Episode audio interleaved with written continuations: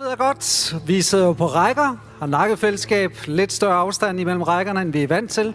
På grund af corona, der skal jo være to meter imellem næsetipperne her i husstandene, eller imellem husstandene, fordi vi synger med, og det er dejligt at høre jer synge. Tidligere på ugen, så øh, var der ikke rækkeopstilling, for eksempel tirsdag aften til Attention, klub og kirke for teenager mellem 12 og 15. Der så jeg på Insta, at der havde de åbnet porten her, og så var der simpelthen lavet sådan en go-kart-bane hen, hvor de kørte igennem flyttekasser og alverdens ting og sager, så man bare sad og tænkte, ej, det der, det er sjovt at være teenager i kirke. Og øh, så var jeg selv inde sammen med min hustru her fredag aften og lige tjekke ud. Vi skulle egentlig have været værter hjemme på Ribevej til en stor barbecue for Ung Kirke, som vi har haft en 10-12 år som opstart på Ung Kirkesæsonen.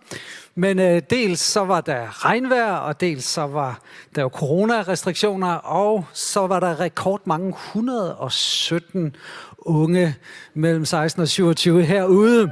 Og der var øh, caféen øh, og rigtig hyggelig som et restaurant, og så var der åbnet op herind til som en lounge, hvor nogen sad ved den skærm og spillede FIFA, og herover tror jeg, der var et andet godt øh, spil i gang. Så sådan kan kirkesalen altså også blive brugt. Jeg ved ikke, om du genkender bag mig øh, den, øh, det billede der af, at når du sidder og arbejder med en computer og kommer godt i gang, så pludselig så kommer der sådan en forstyrrelse. At der er en ny opdatering. Og på min Mac, så er det som regel op i hjørnet, hvor der kommer sådan en øh, ny opdatering, og så kan man så vælge at slå den til her nu, så skal du holde pause, og computeren skal genstarte, eller der står om to timer, i nat eller i morgen. Og jeg har sådan set prøvet dem alle sammen, fordi man vil bare gerne videre. Problemet er, hvis du bliver ved med at udsætte alle de der opdateringer, så til sidst så kan du risikere, at din software på computeren eller telefonen bliver sårbar over for nye virer. Og derfor vil jeg meget advare dig imod at udsætte udsætte udsætte udsætte. Få nu det der software opdateret. Hør en formaning af en specialist inden for software. Uh, ej, jeg ved ikke så meget om det. Men jeg har bare fået den lille reprimande. Uh, vi uh, har også nogle af os mobiltelefoner af forskellige generationer. Jeg har taget min lille samling med herover øh, fra kontoret. Der er for eksempel øh, den helt lille første, og der er den anden generation, tredje generation. Jeg har, tror faktisk, jeg har, nu skal vi se her, jeg tror, det er en 8, jeg står med her. Så I kan godt se, der bliver altså indimellem fristet til at købe en ny opdatering hardwaremæssigt også. Og det gør man, fordi man bliver bildet ind, at processoren er hurtigere, at det er den eneste, der kan køre de sidste nye softwareopdateringer, eller kameraet er blevet bedre, eller nu kan du bruge øh, bare stryge med fingeren. Jeg ved ikke alle de der ting, det kan. Men alle de her opdateringsformer, synes jeg bare taler ind i mit liv, at vi tror som kirke, at Gud har noget nyt hver eneste dag. Når du møder Jesus, så er det ikke sådan, at så kommer du ind i Kristus, lever med ham, og så står alt stille. Nej, der er noget nyt, en ny opdatering hver eneste dag, hvis du lytter, og ikke bare siger, ah, jeg venter til i morgen, eller i nat, eller om to timer. Tag imod den opdatering, der er fra himlen hver eneste morgen. Øh, eller hvis du går ind i en ny sæson, så er der noget nyt, Gud vil gøre, og han vil forberede dig på noget nyt i dit liv. Sidste søndag, der talte vi om forvandling. Prøv lige at sige forvandling. Jeg elsker det der ord, forvandling. Det bruges to gange af Paulus i det nye testamente. Den ene gang så vi på, sidste søndag var det teksten 2. Korinther 3.18, at vi forvandles fra herlighed til herlighed, når vi skuer ind i hans herlighed, ind i spejlet, og ser Jesu ansigt i Guds ord. I dag så skal vi se på det andet sted, hvor forvandling nævnes, og det er det her ord metamorfos, som er det her udtryk for, når en larve udvikler sig fra puppe og til sidst bliver en sommerfugl. Åh, oh, jeg ved ikke, hvad for en fase du er i lige nu i dit trosliv. Prøv at se på din sidemand. Er det en lav, en lækker lav, laber lav? Eller er det sådan en forpuppet en? Eller er den øh, vedkommende sprunget ud i sommerfugl? I hvert fald så taler vi om forvandling, som vi snakker om sidste søndag, som en event. Når du kommer til tro på Jesus, du bliver en ny skabning. Gud gør alting nyt. Han lapper ikke på det gamle. Du er en ny skabning i Kristus Jesus. Det gamle er forbi, og noget nyt er blevet til. Sådan der. Så er der forvandling som kulmination. Det er, når vi ser ham, som han er, 1. Johannes 3. Og i samme øjeblik, vi ser ham, så bliver vi ligesom ham. Så er det ikke kun indeni, øh, vores ånd dybt inde, men nej, så er det krop og sjæl, og det er hele på én gang, og vi bliver forvandlet og får hans skønne herlighedslame, og man tænker, kan det blive bedre, hvis du ser på din sidemand, men det kan det. Og så er der forvandling som en proces, og det er det, vi skal læse om i dag. Så har du din bibel med, så slå op på Romerne 12 og vers 2. Og jeg hører bare bibler blive bladret. Sådan der telefoner blive taget frem.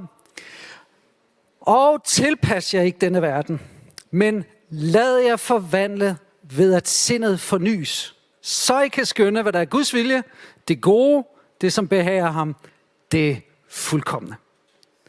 Der er noget nyt, vi skal lære om forvandling i dag, som jeg gerne vil bygge oven på det fra sidste søndag. Og det er for det første, Paulus siger, hvad det er for en forvandling, vi skal sige nej til. Du skal sige nej til en forvandling, som kommer til at ske, hvis du som troende bare lader fære. Fordi så kommer den her verden, og det ord, Paulus bruger på grundsproget, betyder tiden, eller tidsånden. Den kommer bare til at påvirke dig. Fordi der er så meget indflydelse fra medier, fra reklamer, fra den tid, vi er i, som bare vil presse dig ind.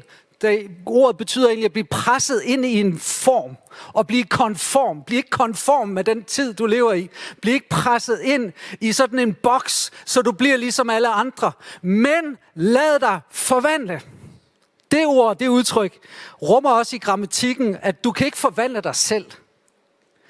Kristen livsforvandling handler ikke om præstation, men det handler om at sige, ja Gud, jeg beder om, at du forvandler mig. Jeg kan ikke forvandle mig selv, men jeg beder om karakterforvandling, hjerteforvandling, sindsforvandling.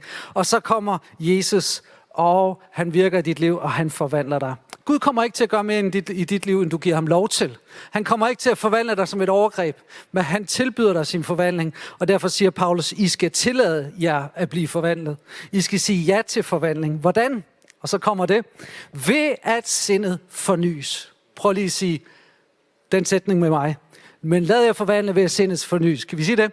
Men lad jer forvandle ved at sindet fornyes. Så nu ved vi, hvordan Gud forvandler os. Og det skal vi se på i dag. Og årsagen til, at vi har brug for en fornyelse af sindet, det er, så vi kan skønne. Det ord betyder at vurdere, bedømme, hvad der er Guds vilje. Og Guds vilje, det er alt det, som er modsat den her verden. Så hvis du har den tid, vi er i, og alle de strømninger og al den indflydelse fra verden, og du har Guds vilje, så jo mere du bliver forvandlet, bliver fornyet i dit sind, så kan du skønne, hvad det er, Gud vil, hvad hans tanke er for dig, hvad hans plan er for dig. Og når du kommer ind i hans plan, skønner hans plan, forstår hans plan, bedre og bedre kan du bedre leve det ud, og så kommer du ind i det liv, som er det gode liv, det velbehagelige liv, og det fuldkommende liv. Yes, det var ikke tosset, var? Der var en masse guf i det vers, og det er teksten for i dag. Så har jeg lyst til at komme med en påstand. Den er måske ikke så sjov, men Gud han er, tror jeg, mere optaget af at ændre dit sind, end i at ændre dine omstændigheder. Jeg tror, Gud arbejder selv i kriser i vores liv på at forandre os.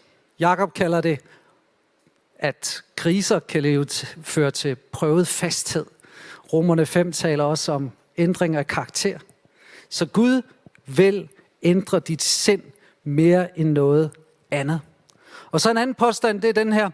Du kan kun forvandles, hvis dine tanker ændres. For måden Gud forvandler på, det er gennem en fornyelse af dit sind. Du må forstå, at dit liv styres af dine tanker. Og derfor er det så afgørende vigtigt, at du forstår betydningen af dine tanker. Forstår betydningen af at styre dit sind eller vogte dit sind. Passe på, hvilke tanker du lukker ind, og hvad du gør med dem. Hvordan du håndterer tankerne er rimelig vigtigt. Nu kan jeg se nogle af jer, I har slet ingen tanker. I sidder bare i sidder bare i jærkonden her og nyder livet og har haft en hård uge, og lige nu så står den bare stille. Jeg vil bare sige, pas på, at du ikke falder i søvn, fordi jeg har aftalt med værter om, at de kommer, og de har sådan nogle heksehyld, de lige tænder under din stol. Så hvis du falder i søvn, så bliver der lidt bevægelse, tror jeg. Hvorfor er det så vigtigt at styre dit sind, at vogte dine tanker? Det er for det første, fordi dine tanker bliver styret eller styrer dit liv.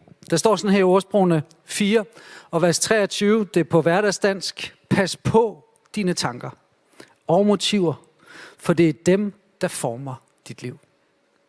Det er helt afgørende, at du forstår, at det der med at, at have tanker, og de kommer i alle mulige former, på alle mulige tidspunkter, i alle mulige, med alle mulige hensigter, de kommer ind i dit sind. Og her er der en advarsel. Ordsprogenes bog er fuld af visdom, og her er der visdom fra Gud. Pas på dine tanker. Pas på, hvad du lukker op. Vogt dit sind. Vogt dit hjerte. Fordi det er tankerne, der former dit liv. Det kan for eksempel være, at du på et tidspunkt har fået at vide, at du er værdiløs. Dit liv kommer aldrig til at lykkes. Du bliver ikke til noget. Alle de her tanker har du måske hørt som barn, og du har taget dem til dig og lad dem forme dig og bliver formet af dem som voksen. Pas på, siger visdommen. Dine tanker former dit liv. Den anden ting, det er, mit sind er krigszonen for kompromis i mit liv.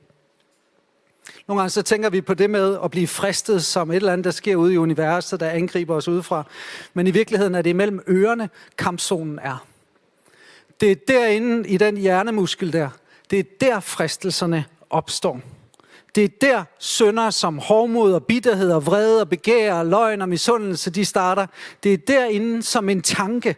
Når først tanken er født, har en sagt, så leder tanken til handling, og handlingen til en vane, og vanen til en karakter, og karakteren til en evig skæbne. Så pas på, hele den cyklus starter med en tanke. Så du må lære at styre dit sind, dine tanker, for at kunne vinde over alle de der fristelser, som er. Det var Martin Luther, der sagde, du kan ikke forhindre en fugl i at flyde over dit hoved, men du kan forhindre den i at bygge redde dit hår.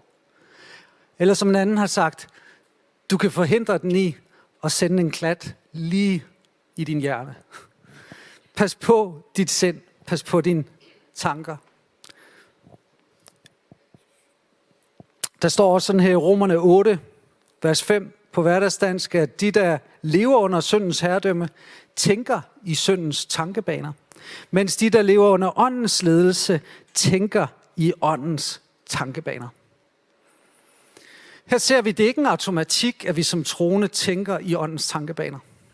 Du kan lige så godt være styret og kontrolleret af din drifter og din egoisme og bare give efter, hvis du bare tillader dit sind at være en åben bog, eller lukker porten op, slusen op, og bare lader alle tanker komme ind, som de nu kommer. Du må vælge at sige, jeg vil, hellige Guds ånd, at du skal skabe tankebanerne i mit sind, i mit liv. Det vil gøre, at du tænker i åndens tankebaner. For det tredje, så er dit sind nøglen til fred og trivsel i livet. Vi ønsker alle sammen at erfare fred og trivsel. Vi ønsker alle sammen at have et godt liv. Og nogle gange så tænker vi, er det nu også Guds intention med os? Ja, det er det. Gud vil give dig et godt liv. Fordi Bibelen siger i Jakob 1, at Gud er lys, og der er slet intet mørke i ham. Der er ikke skygger, der kommer og går. Og han siger, far ikke vil, fordi det er kun gode og fuldkommende gaver, der kommer ned ovenfra. Gud er god. Og der står sådan her også i Romerne 8, vers 6, at syndens tanker fører til død, men åndens tanker fører til liv og fred. Så der er grund til at være påpasselig med, hvad du lukker ind i dit sind, ind i dine tanker. Du har ansvar. Det er ikke sådan, du kan sige, Gud styrer mine tanker. og så kommer han og tager over. Nej, du har ansvaret. Han vil forvandle dig. Du skal lade dig forvandle, og det sker gennem en fornyelse af dit sind. Og Helligånden vil lære dig at sortere i dine tanker, så du ikke bare bliver et bytte, som bare siger, alt hvad jeg tænker, det er godt, og det hele skal bare blive der. Men nej, du lærer at vogte dit sind og fornyes i dit sind. Der står sådan her i 2. Korintherbrev, kapitel 4, vers 16, et sted, hvor Paulus bruger det her udtryk, han bruger i Romerne 12, når han siger, I skal fornyes i jeres sind. Så siger han sådan her, at derfor bliver vi ikke modløse, for selvom vores ydre menneske går til grunde, fornyes dog vort indre menneske dag for dag. Det er den her forvandling, vi taler om. Det er en fornyelse, der sker ind i dig, ind i dit sind. Og den daglige fornyelse vil jeg gerne tale til dig om i dag. Der er tre ting, jeg gerne vil udfordre dig til. Tre vaner, som jeg vil påstå Hvis du gør dem til daglige vaner, og der er ikke nogen af os, som kan hver eneste dag, men øh, have det i tanke som en ny vanekultur i dit liv, som kan sikre dig sundhed i sindet. Og det er den første, jeg må give føde til mit sind. Den anden, jeg må give frihed til mit sind. Den tredje, jeg må give fokus til mit sind. Jeg tror, at hvis vi tager de her tre til os og lærer dagligt at have god mental hygiejne, sortere i vores tanker, så vil der komme en frugt af det. Den første, jeg må tage føde til mit sind. Hvor mange af jer kender den krig her? Junk food, det ødelægger vores krop, mens øh, den gode, sunde mad, spis sund, spis groft og spis varieret, alle de her kostråd, det er jo sådan en kamp, der foregår i hovedet. Vi så en tanke, ah, drive-in McDonald's, jeg kommer lige forbi. En god øh, Big Mac, eller ah, det kunne også være godt lige at få en Sunday Ice en Monday. Øh, der er så mange gode øh, ting, der lige kan appellere til en. Og der, samme tanke må du faktisk have i forhold til dit sind. At, at du må lade dit, dit sind, må du give mad. Det er fint nok at, at se Netflix, det er fint nok at se tv, det er fint nok at læse øh, alverdens feeds, hørte du det? Føder på Insta. Øh, det er fint nok, men, men det er junk for dit sind. Det er junk food. Du bliver nødt til at have solid kost. Og øh, det er Jesus, der siger sådan her i Matthæus 4:4, mennesket lever ikke af brød alene, men af hvert ord, der udgår af Guds mund. Så det er altså ikke bare franskbrød, rugbrød, spældbrød, hvis du kommer fra Frederiksberg eller Vesterbro. Øh, det er øh, Guds ord, vi må leve af.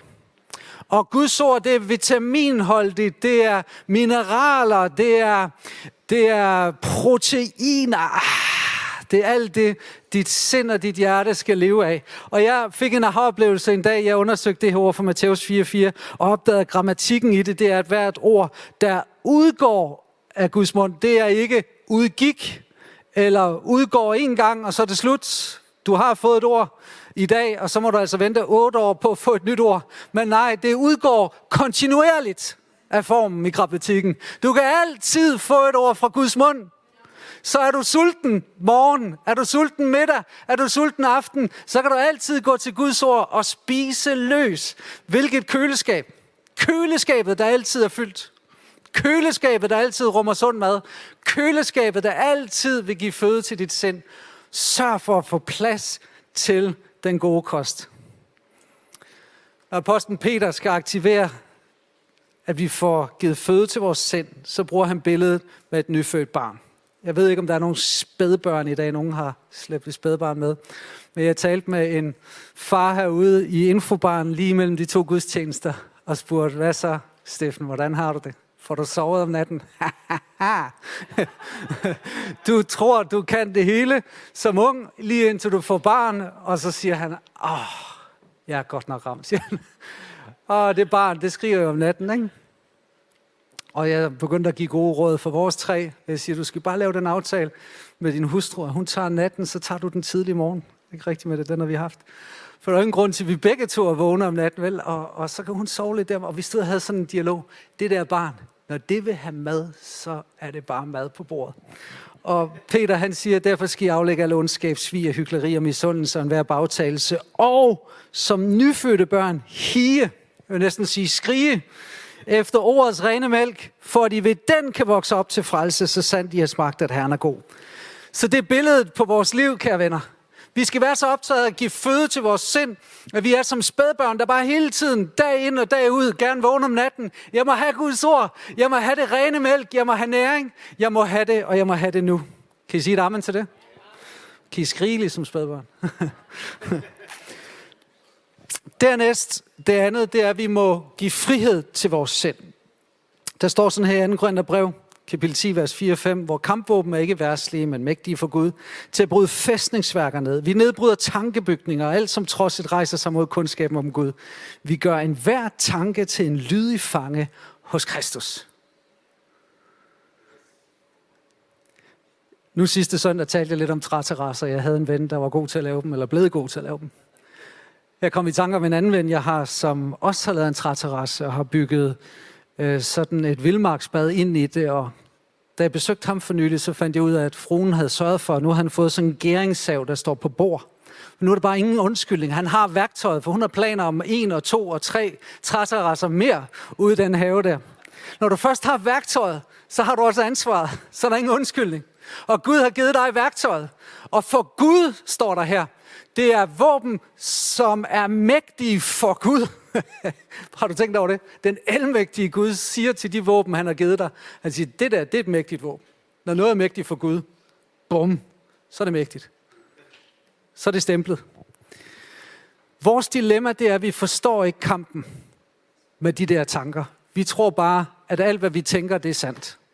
Men det er ikke alt, hvad du tænker, der er sandt. Det er ikke alt, hvad du tænker, du skal lukke ind og tage for gode varer. Nu øh, leger vi lige Jens her. Han er en tanke, der kommer på besøg hos mig. Og øh, nu øh, siger vi lige den her scene, det er mit sind. I kan godt se, hjernen er ikke så stor igen. Men øh, nu er øh, Jens, han er et sind, og, og du, øh, du, du banker på, Jens. Øh, ja, hvem er det? Okay, vi skal lige have lyd i den. Nej, det har vi ikke. Men det er nedbrydende tanker. Okay, som bekymringstanke. Nå, men det er fint nok. Du er en tanke. Bare kom ind og hyg dig. Sæt dig ned. Og hvad, har du, hvad har du mere på hjertet? Jamen, er du sikker på, at øh, du kan have det der tøj på den? Jamen, hvad er der galt med det?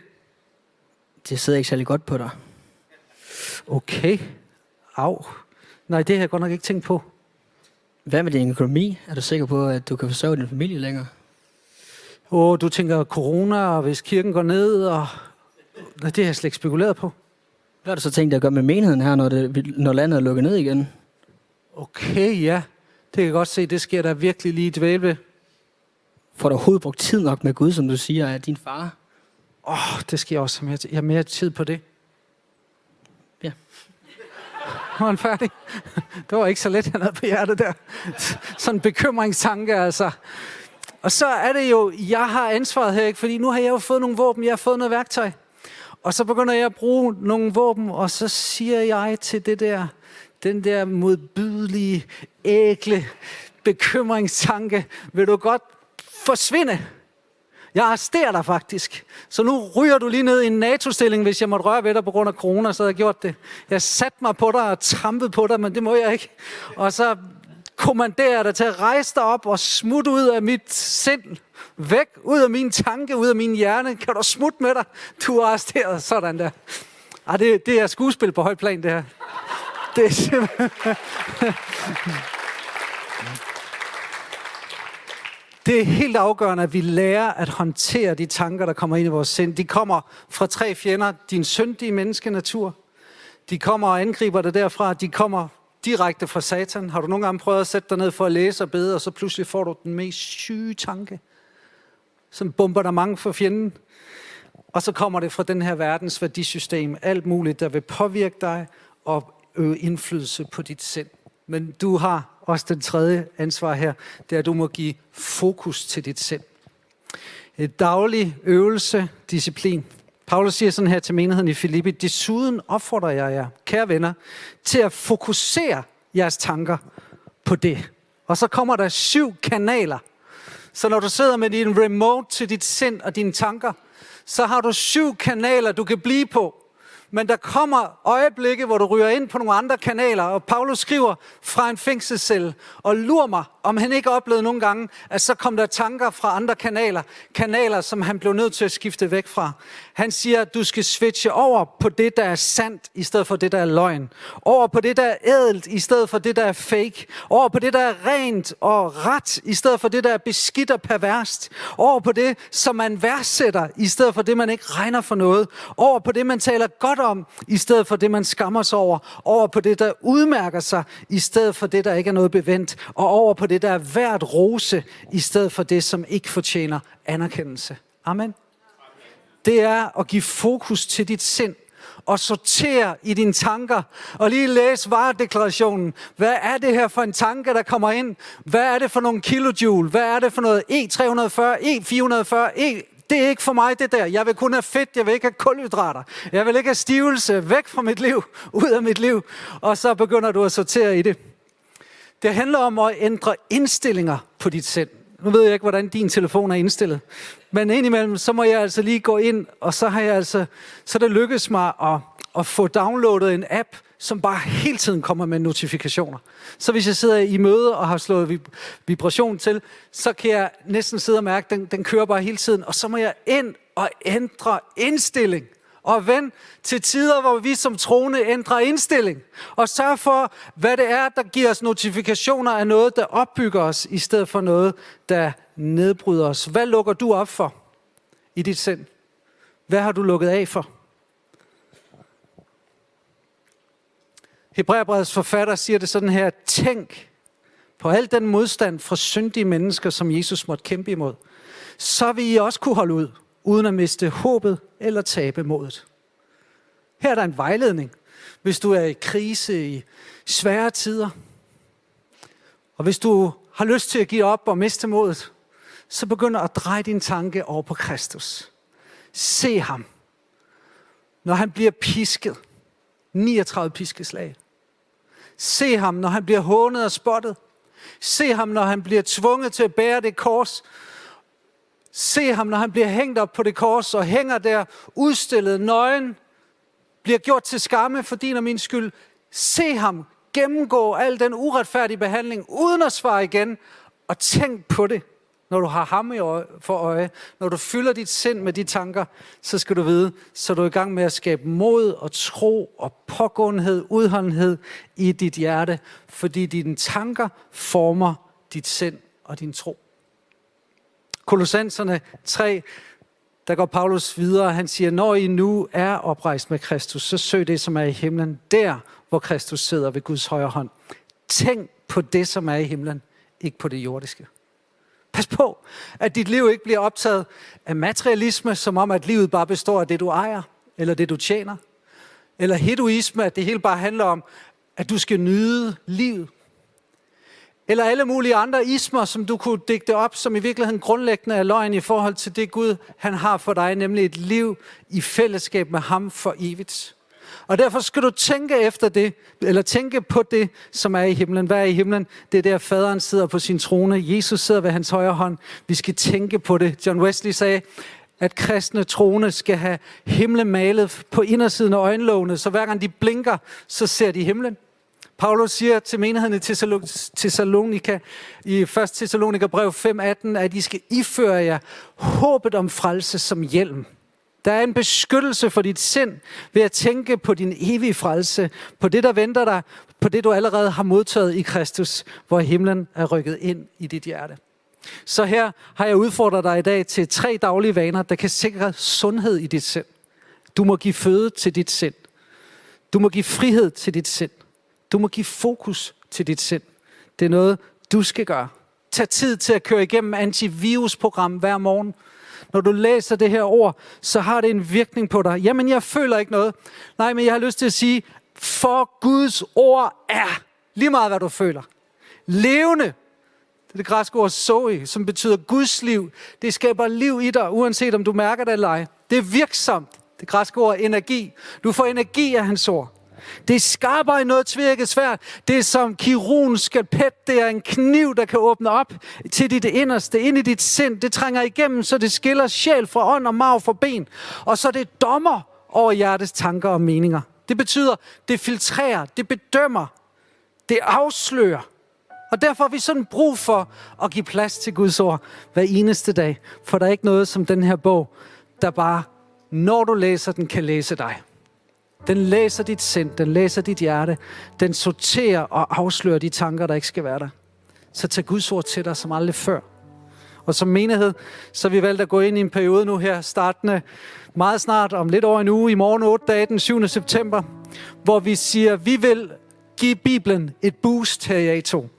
Vi vil tage på en fælles rejse, hvor vi starter med Matthæus 1 den 7. september, og så lander vi i Apostlenes Gerninger 28 nytårsaften.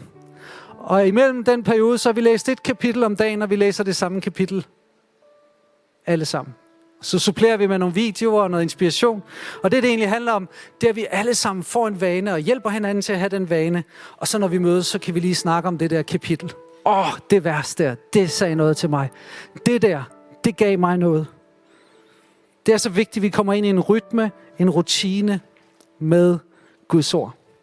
Og nu har jeg lyst til bare at sige også, at der var i bøn i dag for, for den her gudstjeneste, så var der et ord, der kom til mig, og det var en sætning fra det her afsnit, som jeg har lyst til også bare at læse for jer her til sidst.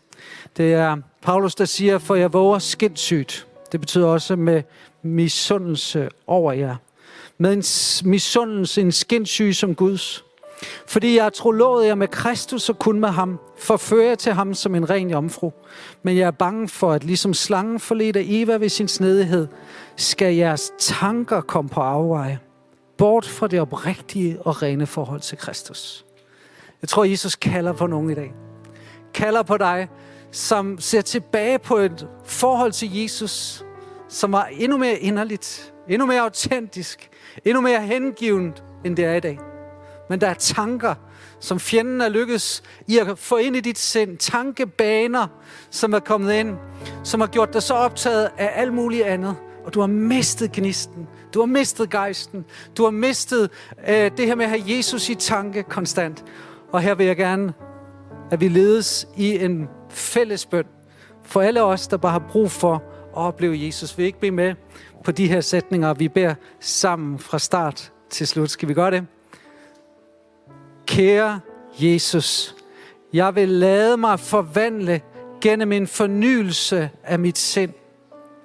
Lad dit ord, som er talt, bedømme og afsløre mit hjertes tanker og motiver. Helligånd, gennemlys mit tankeliv og befri mit sind fra hver en løgn. Jeg ønsker at nedbryde destruktive tankebygninger, så jeg kan skønne din vilje. Hjælp mig til at læse dit ord, så jeg giver føde til mit sind hver eneste dag. Jeg ønsker at styre mit sind og fokusere mine tanker, så jeg kan tænke dine tanker. Amen. Skal vi vende os til Jesus i bøn? Jesus Kristus. Tak, at du kalder på os, fordi du ønsker at forvandle os. Her du opfordrer os til ikke at tilpasse os den her verden, men sige nej til den påvirkning og indflydelse, som vil ødelægge os. Vi ved, at tyven er kommet for at stjæle, slagte og ødelægge, men du er kommet for at give liv og liv i overflod. Og derfor siger vi ja til, at du lader os forvandle gennem en fornyelse af vores sind. Vi beder om, at du vil forny vores sind og vores tanke, vores hjerte. Vi beder om, at vi må få noget til fra dig ved Helligåndens hjælp til at sortere og kropsvisitere hver en tanke, der kommer i vores sind, og ikke bare tage den for gode varer, men sortere i den og skubbe dem ud, som ikke har dit velbehag, som er ødelæggende. Destruktive tanker og fæstningsværker, som er løgne, vi har troet på, som ikke harmonerer med dit ord. Hjælp os til at få dem brudt i Jesu navn. Og mens vi er bøn til Jesus, så har jeg lyst til at spørge, er der nogen i dag, som ikke er sikker på, at Jesus Kristus er din personlige leder og læge og lærer? Du ønsker at tage imod ham som din frelser og herre. Så der, hvor du sidder nu, så vil jeg så gerne, du lige løfter din hånd, og så kan jeg se din hånd og vide, hvem jeg beder sammen med og beder for.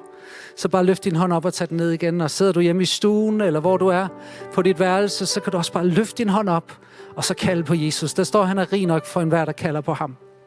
Så beder vi en bøn alle sammen. Og vi beder en frelsesbøn. Skal vi gøre det? Kære Jesus, kom ind i mit hjerte. Frels mig. Gør mig til et nyt menneske. Gør mig til Guds barn. Jeg vil leve for dig. Jeg vil gøre dig til herre i mit liv. Jeg omvender mig fra mig selv til dig. Jeg giver dig mit liv. Amen. Har du bedt den bøn for første gang, så skal du vide, at Bibelen siger, så skal du blive frelst, så skal du blive helt, så skal du blive helbredt. Og så vil jeg bare anbefale dig at tage den her bog frem. Hvis ikke du har en, så kan du få en herude gratis. Og øh, begynd at være sammen med Jesus i hans ord, og han vil tale til dig. Og jeg har lyst til også bare, at vi skulle rejse os op nu, og så mens vi synger den næste sang, så dig, der har brug for forbøn. Du har siddet fast i tankebygninger og fæstningsværker. Ved I, hvad det er? Det er løgne, du har troet på over tid som har været og fyldt dit sind. Det kan være dit selvbillede, det kan være dit verdensbillede, det kan være dit gudsbillede. Du har brug for at blive sat i frihed.